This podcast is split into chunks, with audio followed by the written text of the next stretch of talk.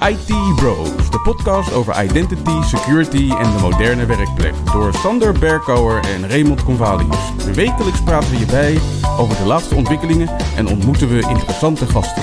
Volg onze podcast op Spotify of iTunes en stel je vragen op Twitter, ITBrosNL. Ik ben Raymond Convalius. En mijn naam is Sander Berkouwer. Welkom bij aflevering 50 van seizoen 2 van de IT Bros podcast. Met in deze aflevering het meest recente nieuws, echt een berg evenementen en een productiviteitstip uh, van Dave. Yes. Door Ray.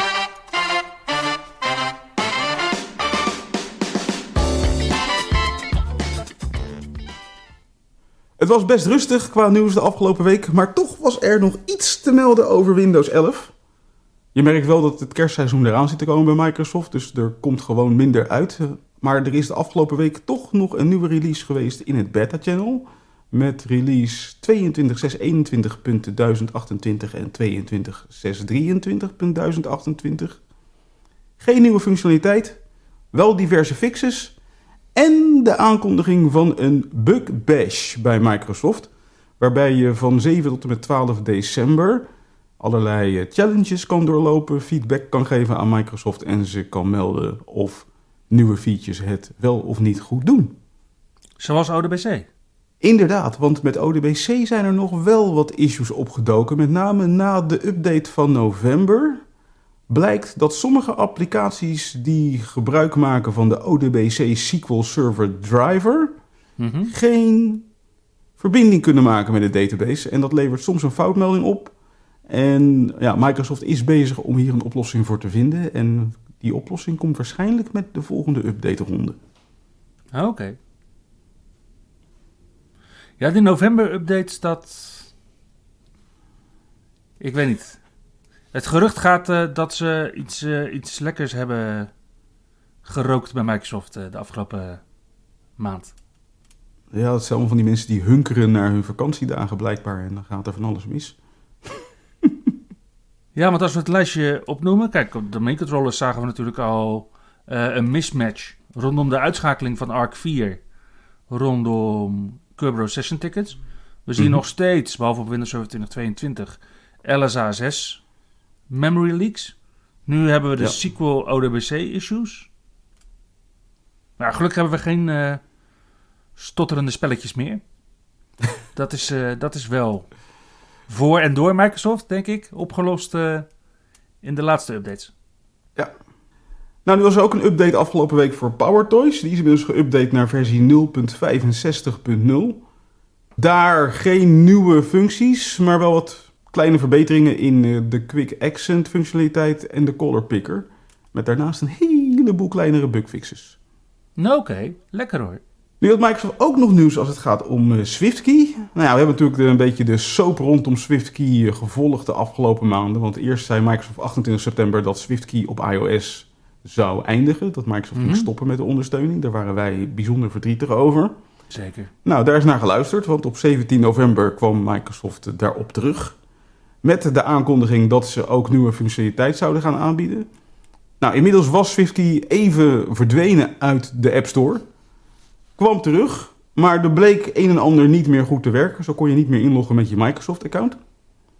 En inmiddels hebben ze afgelopen week een update uitgebracht voor SwiftKey met versie 2.9.4. Waarin ze in ieder geval het inloggen met je Microsoft-account hebben hersteld. En ja, meer nieuws komt eraan, heeft Microsoft aangekondigd. En ondertussen is deze app nog wel bijzonder populair bij de eindgebruikers. Ja, want je zou verwachten dat met al dit soort issues... dat zo'n app in de App Store compleet wordt afgefakkeld. Alles behalve. Nou, oké. Ja, het blijkt toch wel een van de betere keyboard-apps te zijn op eh, iOS. En dat komt ook wel terug uit de waardering. Volgens mij was het 4,6 uit 5 of zo. Echt heel hoog. Dat is netjes, zeker. Tja. Kijken we dan naar een andere populaire Microsoft-applicatie op iOS. Eh, misschien niet helemaal mensen hun eigen keuze, maar dan nog. De Authenticator-app. Dan Mhm. zien we twee nieuwtjes. We zien namelijk dat in versie 6.6.8 en hoger op iOS Omdat de Authenticator app nu FIPS 140 compliant is. Nou, FIPS 140 compliancy komt uit uh, de NIST SP 863b. Dat is vooral voor Amerikanen uh, heel interessant. Maar wat ervoor zorgt is dat Authenticator app dus nu voor alle Azure AD authenticaties uh, rondom push MFA, passwordless phone sign-in en time-based OTP's voldoen aan die Executive Order 14028, die wij in deze podcast dan maar vrij vertalen als gij zult uw informatiebeveiliging adequaat doen. En dan denk je van, ja, waarom, waarom hebben die IT-bros daar dan over in een Nederlandse en Nederlandstalige en Belgische podcast? Nou, ik zie dat er heel veel organisaties momenteel releases in de planning hebben staan.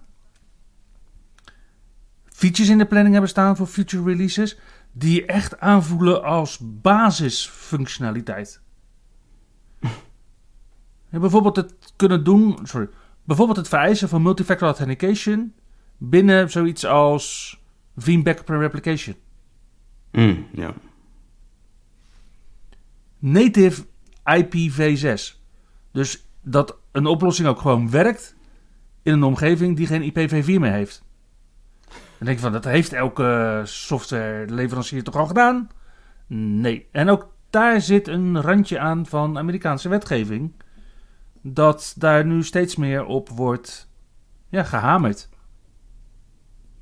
Nou, zoveel leveranciers zijn er niet die alleen op de Amerikaanse markt richten.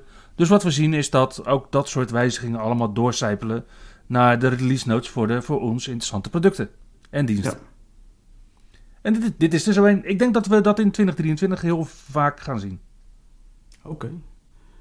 En wat mij dan weer opvalt, is dat dat lijstje wat jij nu net noemt in het kader van FIPS 140, dat bevat dus push MFA, passwordless phone sign-in en time-based OTP's. Ja. Maar dus niet number matching. Nou, number matching is een add-on op de push MFA. Oké, dus die valt daaronder. Zeker weten. Oké. Zeker weten. Ja, er is alleen wel een issue met number matching. Want wat we namelijk zien is dat number matching op een Apple Watch. Ja. Ik denk dat als Microsoft het zou implementeren, dat het heel vervelend zou zijn. Ja. Maar Microsoft heeft ervoor gekozen om het niet te implementeren op de Apple Watch. En daarmee vervalt dus ook binnenkort het hele Apple Watch gedeelte in de Authenticator app. Zoals het er nu uitziet. Volgens mij had ik die aankondiging al een maand geleden of zo voorbij zien komen. Alleen nu is er wat ophef over ontstaan omdat onze collega MVP Barb Bouwman de melding heeft ontvangen in de app. Ja, die heeft nu inderdaad als eerste die pop-up gedeeld. En Barb is nogal uh, vocaal als het gaat om dit soort dingen. En blijkbaar is ze een enorme fan geweest altijd van de Apple Watch ondersteuning voor de Authenticator app. En die raakt ze dus nu serieus kwijt. Het grappige is, de eerste reactie daaronder is... ja, bij mij werkte het eigenlijk nooit echt goed. En dat is ook mijn ervaring. Oké. Ja, ik heb geen Apple Watch, dus ik kan er niet over meepraten. Ja, dus voor jou is dit gewoon weer non-nieuws. Ja, soort van. Dan gaan we snel door. nou ja, Apple uh, had wel meer nieuws. Tenminste, Apple had ook nieuws, moet ik eigenlijk zeggen. Want ze hebben deze week end-to-end encryptie aangekondigd voor de meeste iCloud services met wat zij noemen Advanced Data Protection. En wat wij noemen Basic Data Protection. Zo wil ik het nog niet helemaal noemen, maar ze zetten wel een belangrijke stap als het gaat om het opslaan van je informatie in de cloud. Mhm. Dat ze eigenlijk zeggen van wij gaan voortaan uh, niet meer beschikken over het sleutelmateriaal om jouw spullen in de cloud te kunnen bekijken en inzien.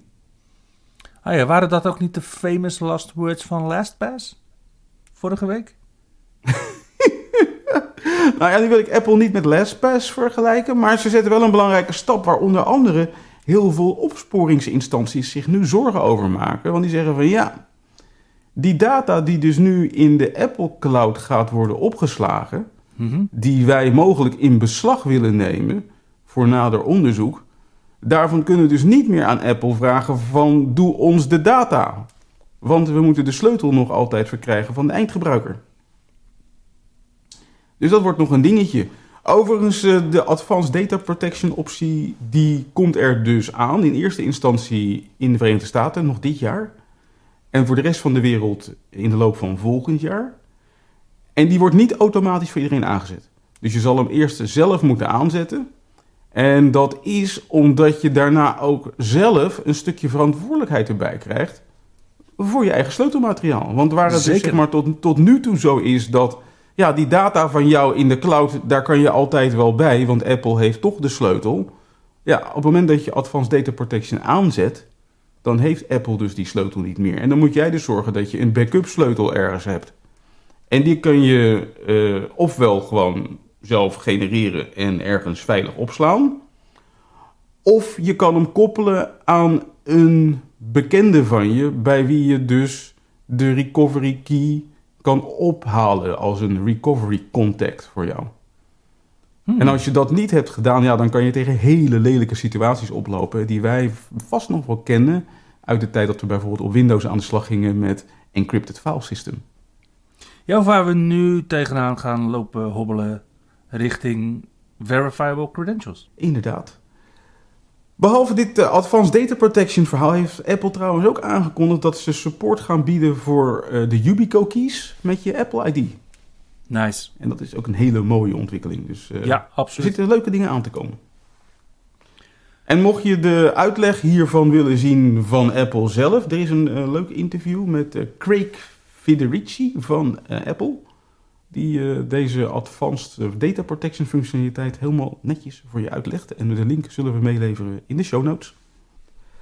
In het verlengde van de, de advanced data protection zie je dat Apple ja, eigenlijk ook een ander plan waar ze vorig jaar mee zijn gestart eh, niet meer door kan zetten. Namelijk ze deden het scannen op kinderporno in de iCloud.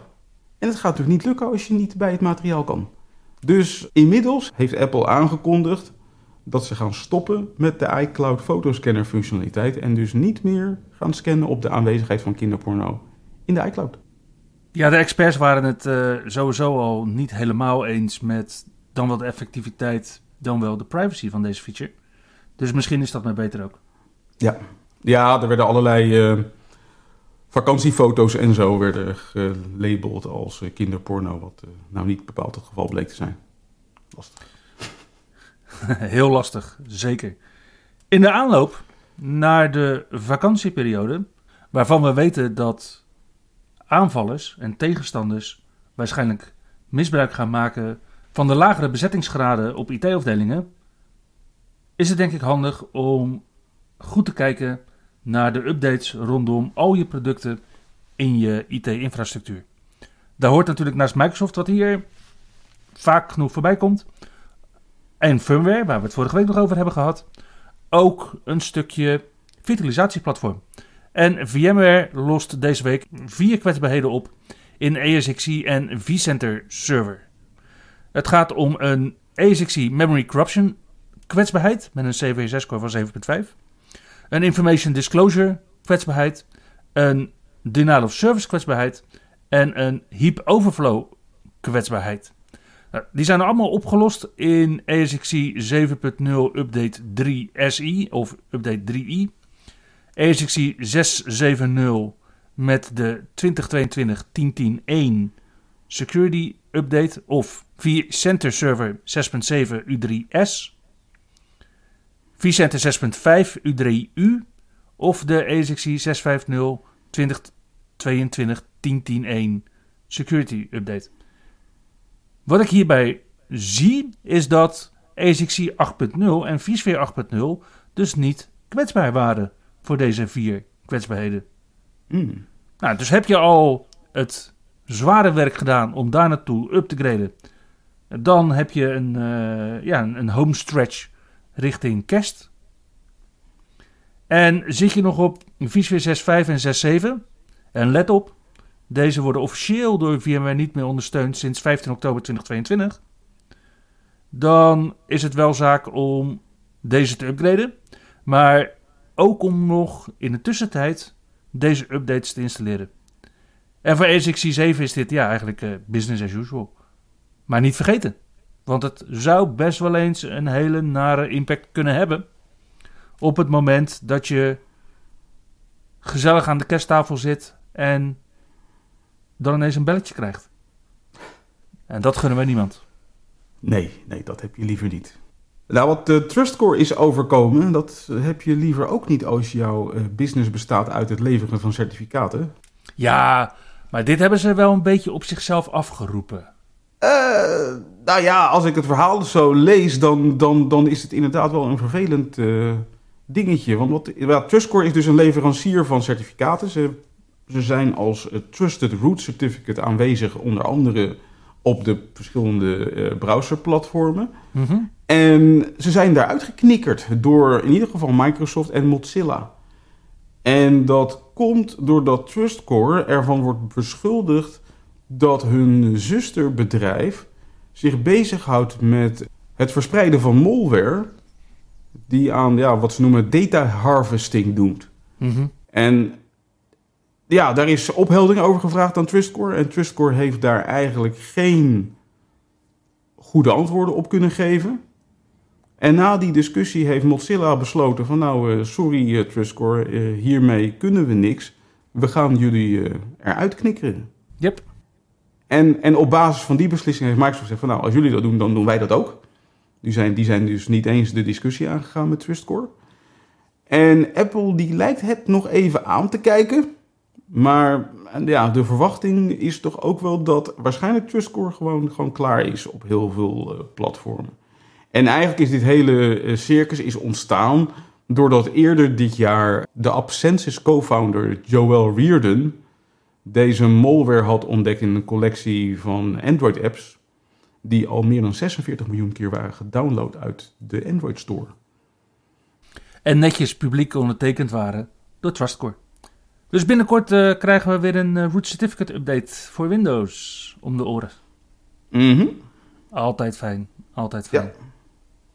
En als we dan toch met certificaten bezig zijn uh, op het Android-platform, daar lijkt ook nog iets aan de hand te zijn met certificaten die zijn verstrekt aan een aantal hardwarefabrikanten, met name Samsung, LG en MediaTek. Die hebben dus certificaten waarmee ze hun eigen software kunnen ondertekenen. Mm -hmm. En op basis van die certificaten krijgen ze hogere platformprivileges binnen Android. En de certificaten, of moet ik zeggen een aantal certificaten van deze hardwareleveranciers blijken te zijn gelekt en te worden misbruikt door malware op dit moment. Dit lek is ja, pikant genoeg ontdekt door Google zelf, namelijk Lucas Siewierski uit het Android Security Team. En ja, de, de mededeling is dus nu aan de fabrikanten van uh, vervang deze certificaten. En er zijn maatregelen getroffen om te zorgen dat de certificaten niet misbruikt gaan worden. Hoe die maatregelen er precies uitzien, is voor mij eigenlijk niet helemaal duidelijk. Dat blijft op Android denk ik altijd een raadsel. En uh, ja, en het, het lullige van deze certificaten is dus dat je kan niet alleen maar gewoon je eigen malware ermee ontwikkelen, maar je kan dus ook gewoon een bestaande applicatie pakken. Noem maar wat, zo'n Bixby-app bijvoorbeeld van Samsung. En jouw eigen aangepaste versie mm -hmm. ervan maken, die vervolgens allerlei malware bevat. En die wordt dan keurig vertrouwd door de hardware als een uh, legitieme versie van die software. Dus uh, ja, als je beschikt over een Android-apparaat, zorg dat je hem up-to-date houdt. Yep.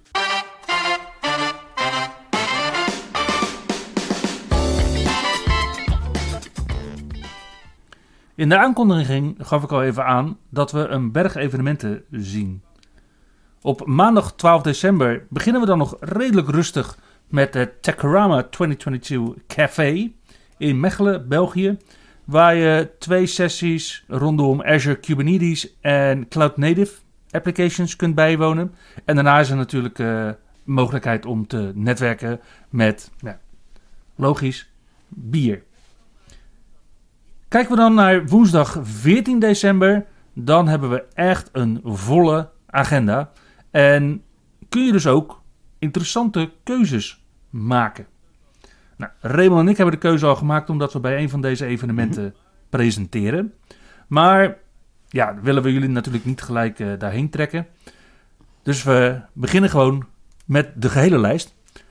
Vanaf half tien tot twee uur s middags kun je bij het Azure Hybrid Cloud and Edge event luisteren naar onder andere Daryl van der Pijl, of zoals ik hem nog steeds noem, Daryl, Jannik de Koeier, Herman Keizer, Paul Bootsma en uiteraard Bert Wolters. Dit evenement is een fysiek evenement in Amsterdam.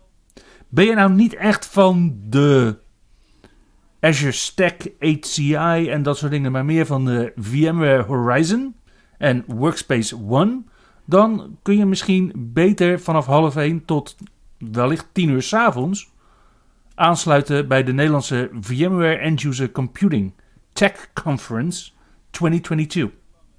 Dat klinkt als een hele lange zit van half 1 tot 10, maar dat komt omdat daar vanaf 7 uur de film Avatar The Way of Water wordt getoond.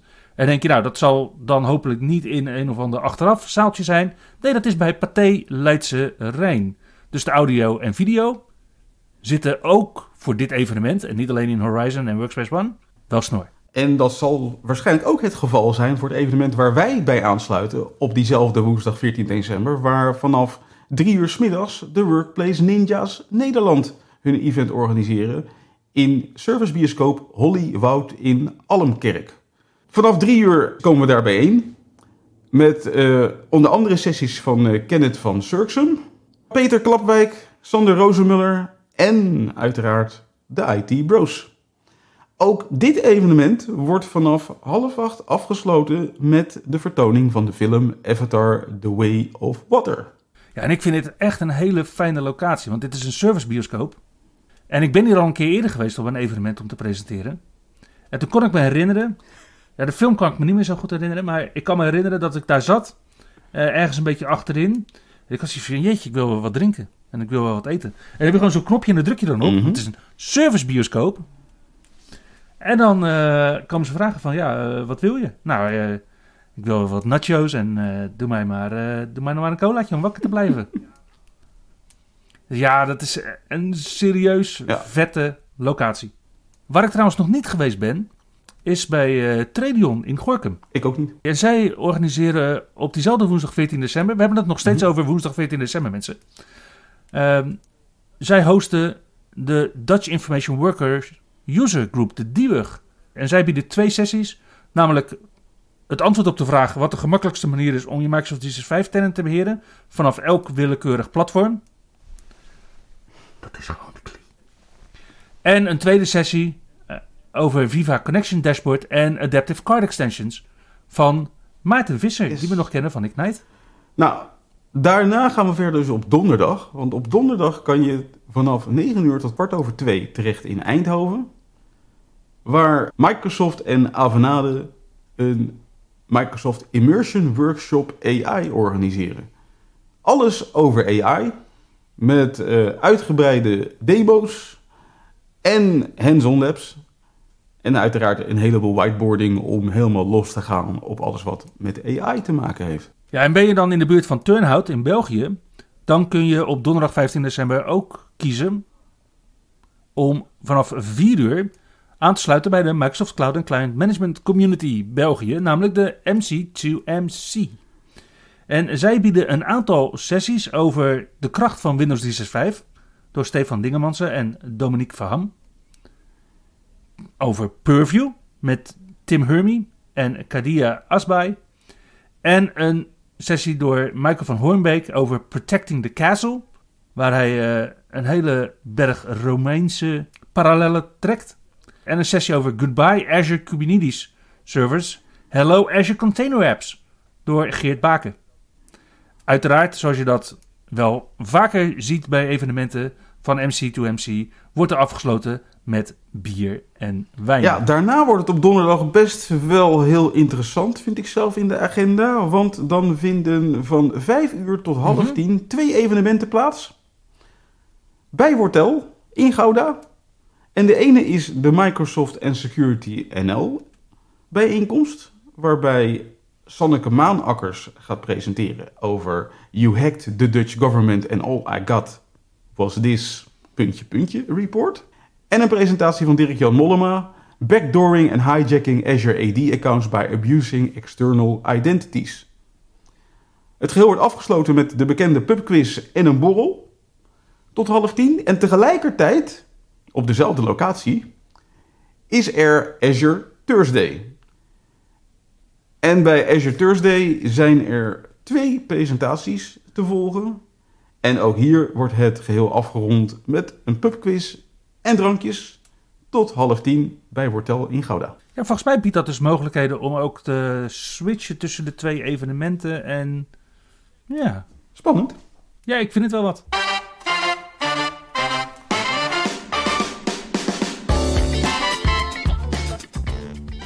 Vriend van de show, Dave Stork, is bezig met een advent-postreeks richting kerst, waarin hij allerlei productiviteitstips deelt op LinkedIn. Ray, jij vond een van die productiviteitstips van Dave toch wel heel interessant. Nou, ik moet zeggen dat er waren meerdere interessante tips bij, maar ik moest er eentje uitkiezen voor deze week. Dus ehm, deze week dacht ik, laat ik het eens hebben over de live transcriptions in Teams. Ik gebruik het zelf eigenlijk nog te weinig. Maar wat je dus tegenwoordig kan doen met Teams is dat je de meetings vol automatisch kan laten notuleren door gebruik te maken van de live transcription feature. En daarmee wordt de spraak omgezet naar digitale tekst. En die digitale tekst die kan je na afloop van de meeting gewoon downloaden vanaf je OneDrive. En verder verwerken, et cetera. En nou ja, dat werkt best goed. En het werkt trouwens alleen in meetings, niet voor je één op één gesprekken. Alleen je kan hem niet altijd zomaar opstarten. Dus je moet aan bepaalde voorwaarden voldoen om in die meeting zeg maar die live transcriptions te kunnen opslaan. En het moet uiteraard ook door de beheerder toegestaan zijn vanuit de meeting policy. Want het kan zijn dat er privacy of andere wetgevingsdingetjes zijn, waardoor ja, deze feature gewoon niet voor jou beschikbaar is. Maar uiteindelijk hou je dus gewoon een tekstbestand over eh, van alles wat er gezegd is in die meeting, met eventueel ook nog daarbij door wie het gezegd is. Dat kan je trouwens per persoon kan je dat uitschakelen. En waar ik eigenlijk aan zat te denken is dat wij krijgen nog wel eens vragen, ook van buitenlandse eh, potentiële luisteraars, van waarom is dit in het Nederlands en niet in het Engels? Zouden we niet eens kunnen kijken of we misschien een live transcription van onze podcast kunnen organiseren op de een of andere manier? Misschien wel op basis van deze technologie of iets anders, van een eh, text-to-speech engine van Microsoft, om te zorgen dat er een tekstdocument komt na onze podcast die dan wellicht gewoon automatisch vertaald kan worden door een of andere engine, waardoor ook buitenlandse potentiële luisteraars kunnen zeggen van nou, let's listen to the IT bros. Hmm. Ja, we zouden er sowieso naar kunnen kijken. Ik weet niet eh, wat de audio-kwaliteit is eh, met Teams opnames. Of dat überhaupt iets is eh, waar we iets mee kunnen als input. Ja, nou ja, goed. Misschien dat er een luisteraar een tip heeft. We houden ons aanbevolen. Ja, En wellicht in seizoen 3 van de IT Bros podcast of zo. maar daarmee komen we aan het eind van aflevering 50 van seizoen 2. Waar we nog steeds in zitten. Met deze aflevering. Dankjewel voor het luisteren. En tot de volgende keer. Tot de volgende keer. Je luisterde naar IT Bros, de wekelijkse podcast over identity, security en de moderne werkplek. Abonneer je op Spotify, iTunes of Google Podcast als je de volgende aflevering niet wilt missen. Heb je hints of tips? Laat dan van je horen op Twitter. @itbrosnl